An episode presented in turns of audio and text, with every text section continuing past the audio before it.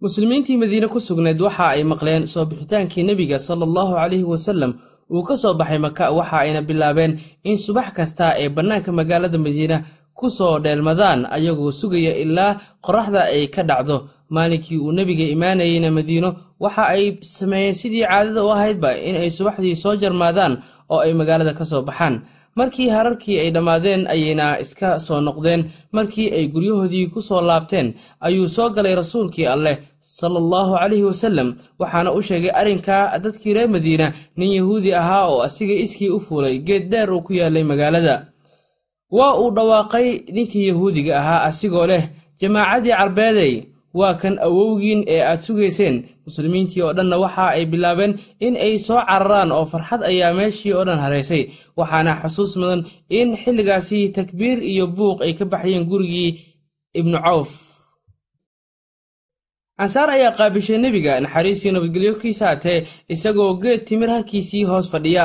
Waxaana la joogay abubakar sidiiq radiallahu canh mana ay kala fogeen da ahaan labadooda. Inta badan reer ansaar horay maysan u garanayn nebiga naxariistii nabadgelyo korkiisa hatee dadku waxa ay ku meeraysteen sidii ay ku kala garan lahaayeen. Laakiin abubakar ayaa istaagay oo nebiga go'iisa har uga sameeyey. Dadkiina sidaa ayay ugu kala caddaatay oo ay ku kala garteen abubakar iyo nebigii alle way salaameen. Salaantii nebinimada aad ayayna u fiiriyeen ayagoo ku dul meeraysanaya waxa uu ogaaday nebiga in ay raadinayaan calaamadii nebiga ee khaatimulmursaliin iyo waxyaabihii la midka ahaa. Nebi moxamed sala allahu calayhi wasallam ayaana waxa uu u fududeeyey dadkii in ay arkaan calaamadii kaga taalay dhabarka dambe ee caddaynaysay inuu ahaa nebigu. Nebigii ugu dambeeyey ee rusushii uu ilaah subxaanahu wa tacaala u soo diray ummaddan haweenka iyo carruurtii reer madiino ma ay u kala harin soo dhoweyntii nebiga anaashiid ayay qaadayeen. Waxaana ka mid ahaa dayax ayaa noo soo baxay kaasoo ka soo baxay fangorta loo yaqaano wadaac. Shukri ayaa nagu waajibay.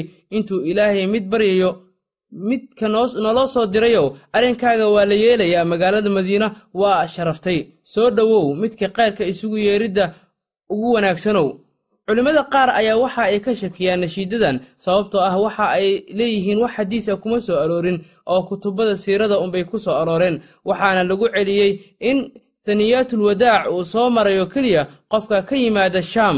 Nashiidaduna waxa ay ahayd baa la leeyahay ka soo noqoshatii nebiga ee tabuug si doontaba ha aatee rasuulka sala allahu calayhi wasallam ilaahay safar ayuu u galay abuubakarna waa uu la socday waxaana soo dhoweeyey abtiyaashiisii reer bani najaar iyagoo gargaarsanaya seefahooda. Nebiga waxa uu u dhaqaaqay dhanka madiina waxaa jidka ku haleeshay salaaddii jimcaha markii uu marayay dhulkii ay degganaayeen reer saliim ibnu cawf. Dadkii ayuu isugu aruuriyey togga gudihiisa waxayna gaareen boqol rag ah waana jimcihii ugu horraysay ee lagu tukado madiina almunawara gudaheeda. Nebigu wuxuu galay madiina salaaddii jimcaha kadib iyadoo uu ku jiro jawi farxadeed waxa ay gabdhuhuna garaacayeen gurbaannada nashiidana waa ay qaadayeen. Waxaan nahay gabdhihii bani najaar moxamedow lala darsaa maxaa ka wanaag badan ayay dhahayeen. Guri kasta ee uu hormarayo dadkiisii waxa ay qabanayeen hasha nebiga naxariistii nabadgelyo korkiisa aatee liijaankeeda ayagoo odhanaya wax kasta annaga ayaa heeno oo ay dusheena yihiin. Nebiguna waxa uu ku odhanayay iska sii daaya way amran tahay hashani waxaana ay hashii mar walbaahay ahayd mid socota ilaa uu nebiga ka warsugayey. Sidii ay u socotay waxa ay fadhiisatay meesha hadda uu yahay masjidka nebiga kama degin nebiga naxariistii nabadgelyo korkiisa aatee haddana way istaagtay wax yar ayay socotay dib ayay u soo fiirisay meesheedii hore ayayna mar kale fadhiisatay wuu ka degay waana halkii ay degganaayeen reer bani najaar gaar ahaan gurigii abu ayuub al ansaari abu ayuub ayaa u soo degay qaaditaanka alaabtii nebiga naxariistii nabadgelyo korkiisa aatee waxa uuna geliyey gurigiisa. Rasuulka sala allahu caleyh wasallam waxa uu yidhi qofka waxa uu la socdaa alaabtiisa. Ascad binu zuraara waxa uu kaxeeyey gaadiidkii nebiga naxariistii nabadgelyo korkiisa aatee waxaana uu u kaxeeyey dhankii gurigiisii. Nebigu waxa uu ku degay gurigii abu ayuub qaybta hoose. Qaybta sarena waxaa degganaa abu ayuub al ansaari abu ayuub ayaa isweydiiyey su'aalo fara badan oo ku saabsan degitaanka nebiga qaybta hoose ee guriga asigoo qaybta sare deggan ma waxaan ku dul soconnaa rasuulka madaxiisa korkiisa wuuna ka xishooday arrinka abu ayuub al ansaari rasuulka ayuuna ka codsaday in uu u guuro qaybta kore ee nebiga sala allahu calayhi wasallam gurigii uu degay. Nebiga ayaa yidhi hoos ayaa noo dhib yar. Abu ayuub ayaa yidhi saqaf aad adiga ka hoosayso aniga kama kormari karo. Markaa ayuu nebiga u wareegay dhanka iyo qaybtii sare ee guriga. Abu ayuub qaybta hoose hal bil ayuu degganaa nebiga gurigii abu ayuub abu ayuubna waxa uu ahaa mid qaybta hoose ee guriga deggan. Abuubakarna waxa uu la degay xabiib ibnu yasaaf oo degganaa sanax meesha la yidhaahdo nebiga sala allahu calayhi wasallam wuu beddelay magaca yatrib sida uu jaabir radiallahu canhu ku wariyey saxiix muslim oo waxa uu yidhi jaabir xilligii uu arrintaasi uu werinayay asigoo kutubkiisaasi ku warinaya waxaan maqlay rasuulka sala allahu calayhi wasallam oo dhahaya alle waxa uu ku magacaabay madiina taabah abu hureyrana bukhaari waxa uu ku wariyey in uu nebiga naxariistii nabadgelyo korkiisa haatee uu yidhi magaalada madiina hareeraheeda waxaa ku sugan malaa'ig oo daacuun iyo dajaal midna ma soo gelayo meelo badan ayuu ilaahay subxaanahu wa tacaala ku sheegay magaca madiina almunawara qur'aanka kariimkaah dhexdiisa. Waxa uu yidhi allah subxaanahu wa tacaala يقولون لئن رجعنا إلى المدينة ليخرجن الأعز منها الأذل ولله العزة ولرسوله وللمؤمنين ولكن المنافقين لا يعلمون ayadaasi qur-aanka sida aad dareemaysaan waxaa ka dhex muuqda magaca magaalada madiina ee ah magaaladii uu u soo hijrooda nebiga markii uu ka soo tegay magaaladii uu ku dhashay oo ay tolkiisii ku dhibeen diintiina kaga hor istaageen wixii ugu horreeyey ee uu qabtay nebiga waxa ay ahaayeen dhisidda masjid oo ah aasaaska dowlad islaami ah. Rag muslimiinta ka mid ah ayaa waxa ay ku dukan jireen halkii ay fadhiisatay hashii nebiga sala allahu calayhi wasallam. Waxay ahayd meel ay timirta ku wartaan oo ay ku qallijistaan laba wiil oo agoon ahaa kana tirsanaa ree najaar waxayna kala ahaayeen sahal iyo suhayl oo waxa ay la joogeen labadaasi wiil ascad ibnu zuraar ah oo ahaa adeerkood markii hasha nebiga ay fadhiisatay ayuu yidhi insha allah halkan ayuu noqonayaa guriga.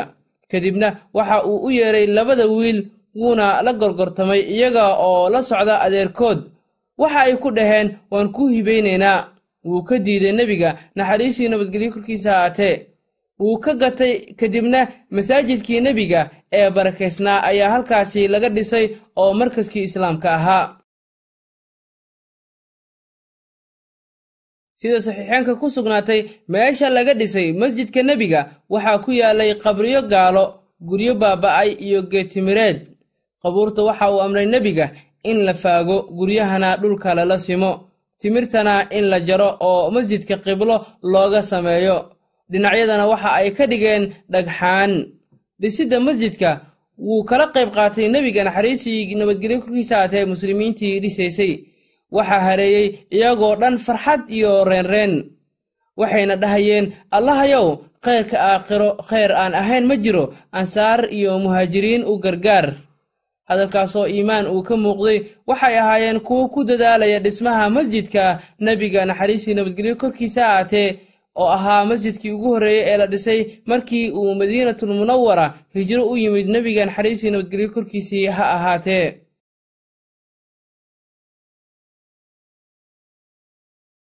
nebiga shaqada waxa uu ku hormarinayay cid kasta oo aqoon u leh camaar ibnu yaasir waxa uu ka mid ahaa dadka aadka u sugay dhisidda masjidka.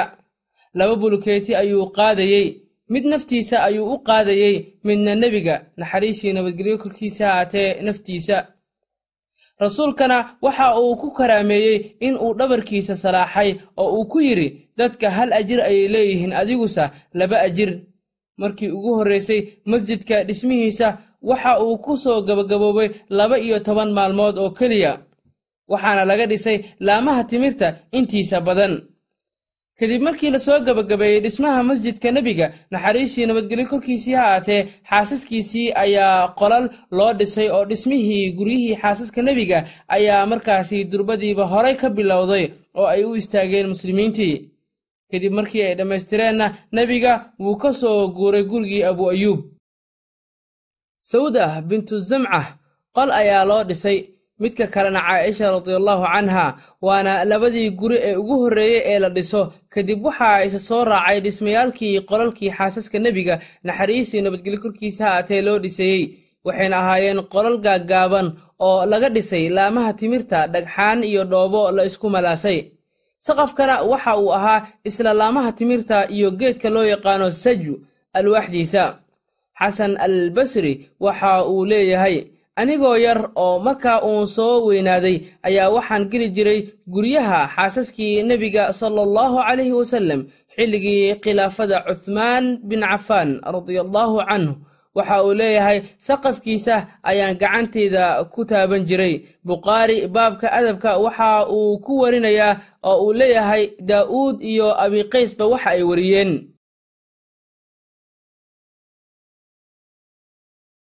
Waxaan arkay laamaha timirta oo kor looga dahaaray dhogor kadib geeridii haweenka nebigana waxaa lagu daray qolalka masjidka xilligii cabdimaalik ibnu marwaan markii nebiga masjidka la dhisaayey ma lahayn wax mimbar ah oo lagu dul khudbaynayo nebigana markuu khudbaynayo waxa uu ku tiirsan jiray geed weyn oo ka agdhowaa meesha uu ku tukado waxaa soo waajahay muslimiintii u hijrootay magaalada madiina. Dhibaatooyin culaysyo aad u fara badan sida mid dhaqaale mid bulsho iyo mid caafimaad intaba. Muhaajiriinta waxa ay ka soo tageen waddankoodii maka almukarama sidoo kale ehelkooda hantidooda iyo sidoo kale waxa ay ka soo tageen xirfadooda ganacsi. Waxayna imaadeen meel lagu tiirsan yahay beeraha oo aas-aas ay u ahayd in dadku ay ahaadaan kuwo beeraha ku tiirsan oo beeraley ahi. Waxaa kaloo madiine lagu tiirsanaa farsamada waxaana dowladda cusub ee nebiga uu dhisay ee waajahaysay sida loo kaabi lahaa nolosha iyo deegaanka ay degi lahaayeen muhaajiriinta. Waxaa kaloo hayay muhaajiriinta hilow ay u qabeen magaalada maka cimilada oo iskhilaafsanna waxa ay kordhisay dhibaatooyinka haysta muslimiintii muhaajiriinta ahaa waayo maysan aqoonin hawada aadka u qoyan ee sarraysa oo waxa ayba ka qaadeen qandho aad u fara badan.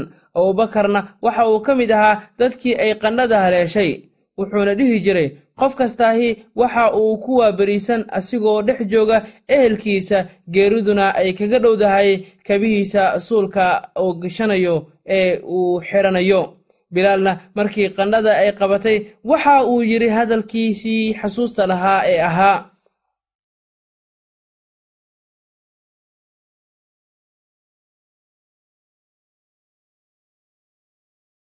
Alla gabaygaygiyow miyaan seexan habeen tog hareetayda iyadoo ay yaallaan udhqar iyo jaliil. Waa laba geed. Miyaan aroori doonaa maalin biyihii majanah mase ii soo muuqan doonaan shaamah iyo dhufayl shaamah iyo dhufayl waa laba buur oo maka ku taalla yacnii hilowga ay u qabeen maka biyaheeda buuraheeda iyo geedaheeda ayay tilmaamayeen. Sidaa daraaddeed nebiga sala allahu calayhi wasallam allah subxaana wa tacaala ayuu baryey kadib markii uu arkay dhibaatada ay muhaajiriinta ku qabeen cimilada waxauu yidhi nebiga allahayow jeclaysii madiina sidaan maka u jecel lahay oo kale ama si ka daran noo barakay suuskeeda qandhadana ilaahayow karar oo u guuri jaxfa. Allahayow asxaabtayda u dhammaystir hijradooda dibna ha u celinin ayuu ku duceeyey nebiga naxariis iyo nabadgelyo korkiisii ha ahaatee. Dadku waxay ahaayeen kuwo ku kulma masjidka nebiga iyadoo aan la isugu yeerin ayna tukan jireen nebiga waxa uu la tashaday asxaabta sidii loogu yeeri lahaa dadka salaadda waxa ay ku taliyeen in la isticmaalo buun laakiin nebiga ma jeclaysan arrinka waayo yuhuudda ayaa isticmaali jirtay.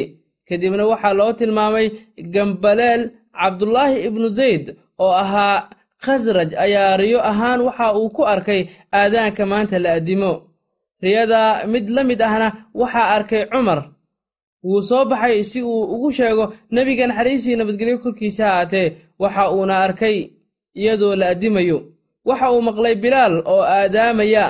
Cumar wuu ka argagaxay arrinkaa marka uu maqlay aadaanka markaasuu yidhi waxyigii ayaa iga soo hormaray oo igaga soo horreeyey dhankii nebiga.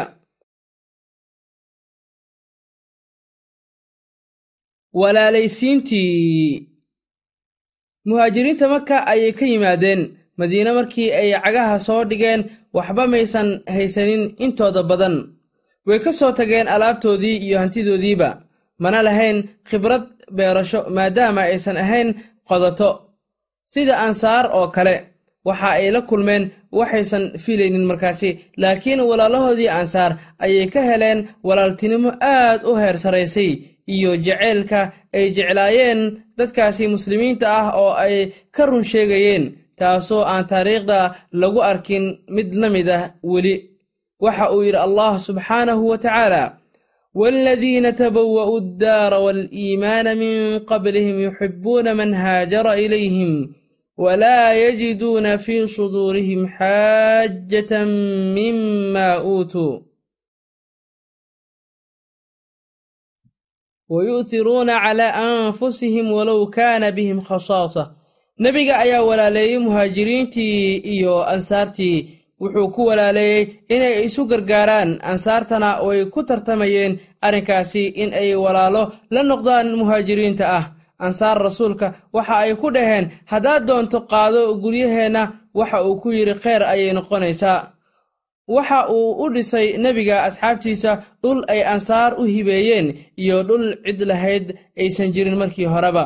Waxa ay ku dhaheen sidoo kale annaga iyo ayaga geedaha timirta noo kala qaybi. Waxa uu ku yidhi maya way idinla shaqaysanayaan. Midhaha ka soo go'a ama laga soo guro timirta ayayna idinla wadaagi doonaan haddii eebbe uu yidhaahdo waxay dhaheen rasuulka ilaahayow waan ku maqalnay waanan ku adeecnay oo yeelnay hadalkaagii iyo taladaadii. Sidaas ayayna ugu dheganuglaayeen ansaartii hadalka nebiga. Inkastoo ay jirtay walaalaynta haddana walaalaynta waxa ay lahayd mawaaqif kale oo cajiib ah.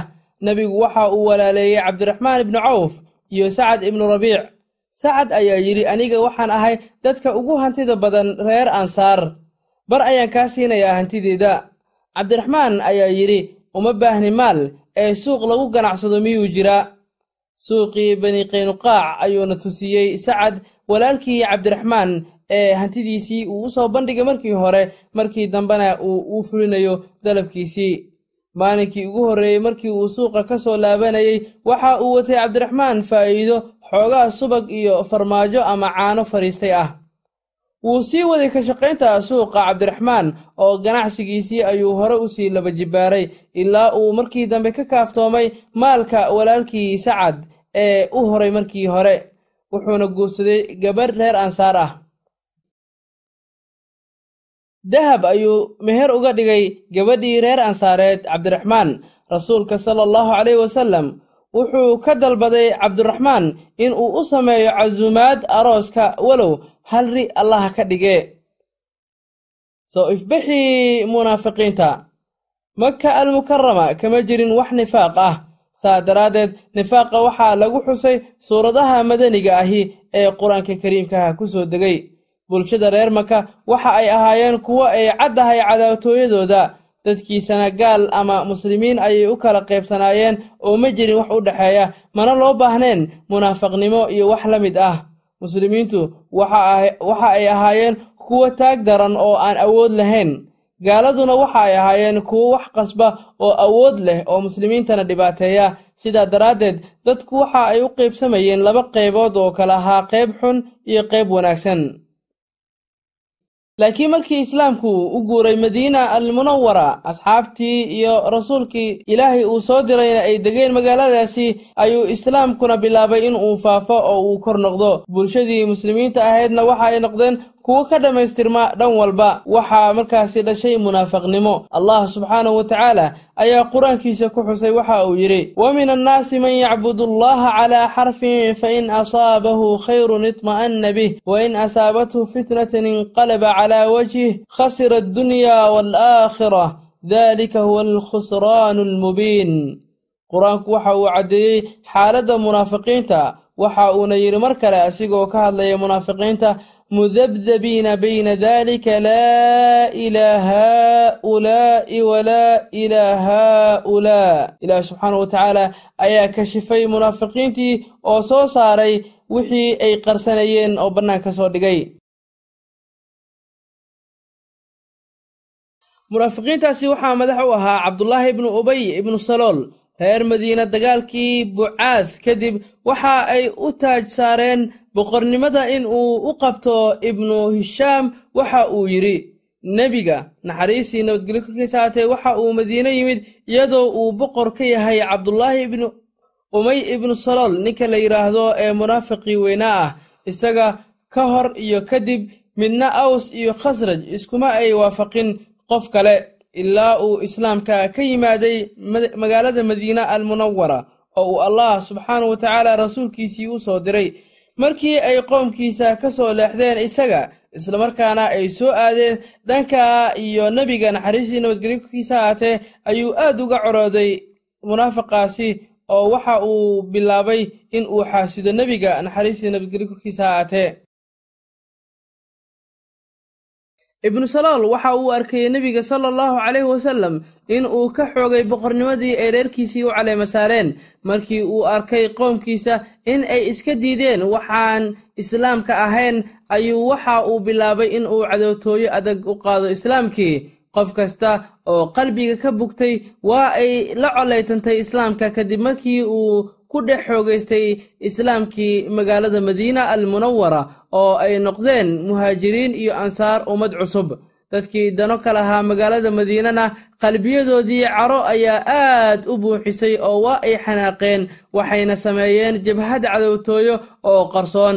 Muslimiintana waxaa waajib ku ahaa xilligaasi in ay ka feejignaadaan inta ay ka feejigan yihiin cadowga kale in ka badan dadkaasi munaafiqiinta ah ee cadowtooyada qarsoodiga u qaaday islaamka islamarkaana u soo jeestay in ay majaxaabiyaan. Waxaa soo ifbaxay bilowgii cadowtooyada yuhuudda kadib markii mowqifkooda uu ahaa dhexdhexaad.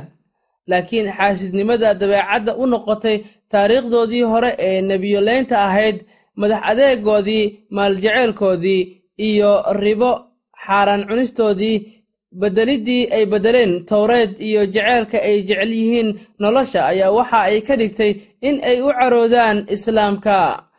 Dhankaasi iyo diinta islaamkana waxay ahaayeen kuwo culays fara badan uu ka saaran yahay. Rasuulka sala allahu calayhi wasallam iyo diinta ayaana bilaabeen in ay majaxaabiyaan oo ay burburiyaan iyagoo waddo walba u isticmaalaya. Ilaah subxaanahu wa tacaala ayaa qur'aankiisa kaga hadlay arrinkaasi waxa uuna yidhi wa malaa'ikatihi wa kutubihi wa rusulih laa nufariqu bayna axadin min rusulih aayadahaasina waxay tilmaamayaan xaalkii aynu ka soo hadalnay. Yahuudda xaasidnimadii islaamka ay u qabeen waa ay korortay oo waa ay badatay kadib markii qaar ka mid ah culimmadoodii ay islaamka qaateen taasoo ahayd arrintii ku siyaadisay carada iyo ciilka yahuuddii halkaasi joogtay xilligaasina jirtay. Sida cabdulaahi ibnu salaam waxa uuna ahaa nin agtooda sharaf weyn aad uga lahaa ninkaasi soo islaamay ee yahuudiga ahaa asalkiisa. Wareejintii qiblada. Nebiga sala allahu calayhi wasallam iyo muslimiintu waxa ay khibrad u ahayd beytulmaqdes hijradii madiine kadib ilaa lix iyo toban bil ayuuna qiblada ahaa. Nebiga waxa uu jeclaa in uu kacbada u jeesado oo uu qiblad ka dhigto taasoo uu u weynayn jiray. Sidoo kale waxaa jeclaa cid kasta oo soo islaamta in ay dhankaasi u jeesato. Muslimiinta waxaa qibladu ahayd beytulmaqdes hijradii madiine kadib ilaa lix iyo toban bil ayuuna qiblada ahaa nebiga waxa uu jeclaa in uu kacbada u jeesto oo uu qiblo ka dhigto taasoo uu aad u weynan jiray. Sidoo kale waxaa jeclaa cid kasta oo soo islaamta diintan islaamka qaata inay dhanka iyo kacbada u jihaysato waayo waxaa dhisay gurigaasi barakaysan nebiyullaahi ibraahim iyo ismaaciil allah ka raali noqde. Wakadalika jacalnaakum ummatan wasatan litakunuu shuhadaa cala annaas wayakuuna alrasuulu calaykum shahiida وما جعلنا القبلة التي كنت عليها إلا لنعلم من يتبع الرسول ممن ينقلب على عاقبيه وإن كانت لكبيرة إلا على الذين هدى الله الله سبحانه وتعالى آياتها قرآنك أي أرمها سكاها لي sanadkii labaad ee hijiriyada kalabarkii bisha rajab alle waxa uu amray nebiga sala allahu caleyhi wasalam iyo muslimiintaba in ay u wareegsadaan dhanka kacbada sharafta badan oo ay dhankaasi u dukadaan iyadoo markii horena baytulmaqdes ay u dukan jireen. Saciid ibnulmusayib waxa uu ku xadeeyey ama uu markaasi ku saleeyey taariikhda dhacdadanin laba bil ka hor dagaalkii beder nebiga waxa uu allah subxaanah watacaala ka bari jiray in badan in kacbada la wareejiyo. Alle waxa uu soo dejiyey qur'aan kariim ah oo uu ku xusay arrimahaasi oo dhan. Ilaah waxauu yidhi qad naraa taqaluba wajhika fi samaa'i falanuwaliyannaka qibla falanuwaliyannaka qiblatan tardaaha fawalli wajhaka shatra almasjid alxaraam waxayumaa kuntum fawalluu wujuuhakum waxayumaa kuntum fawalluu wujuuhakum shatra allah subxaanahu watacaala aayaddaasi qur'aanka ayuu kaga hadlay وإن الذين أوتوا الكتاب ليعلمون أنه الحق من ربهم وما الله بغافل عما يعملون waxa ay ahayd salaadii ugu horreysay ee nebiga sala allahu caleyhi wasalam uu ku dukado ama uu u jihaysto dhanka iyo kacbada barakaysan iyo masjidka xurmaysan salaada duhur waxaana bedelidii qiblada ay aad ugu adkaatay yahuuddii waxa ay u istaageen in ay bilaabaan dacayaad iyo been abuur iyagoo ka been abuuranaya diinta iyo nebiga calayhi salaatu wasalaam.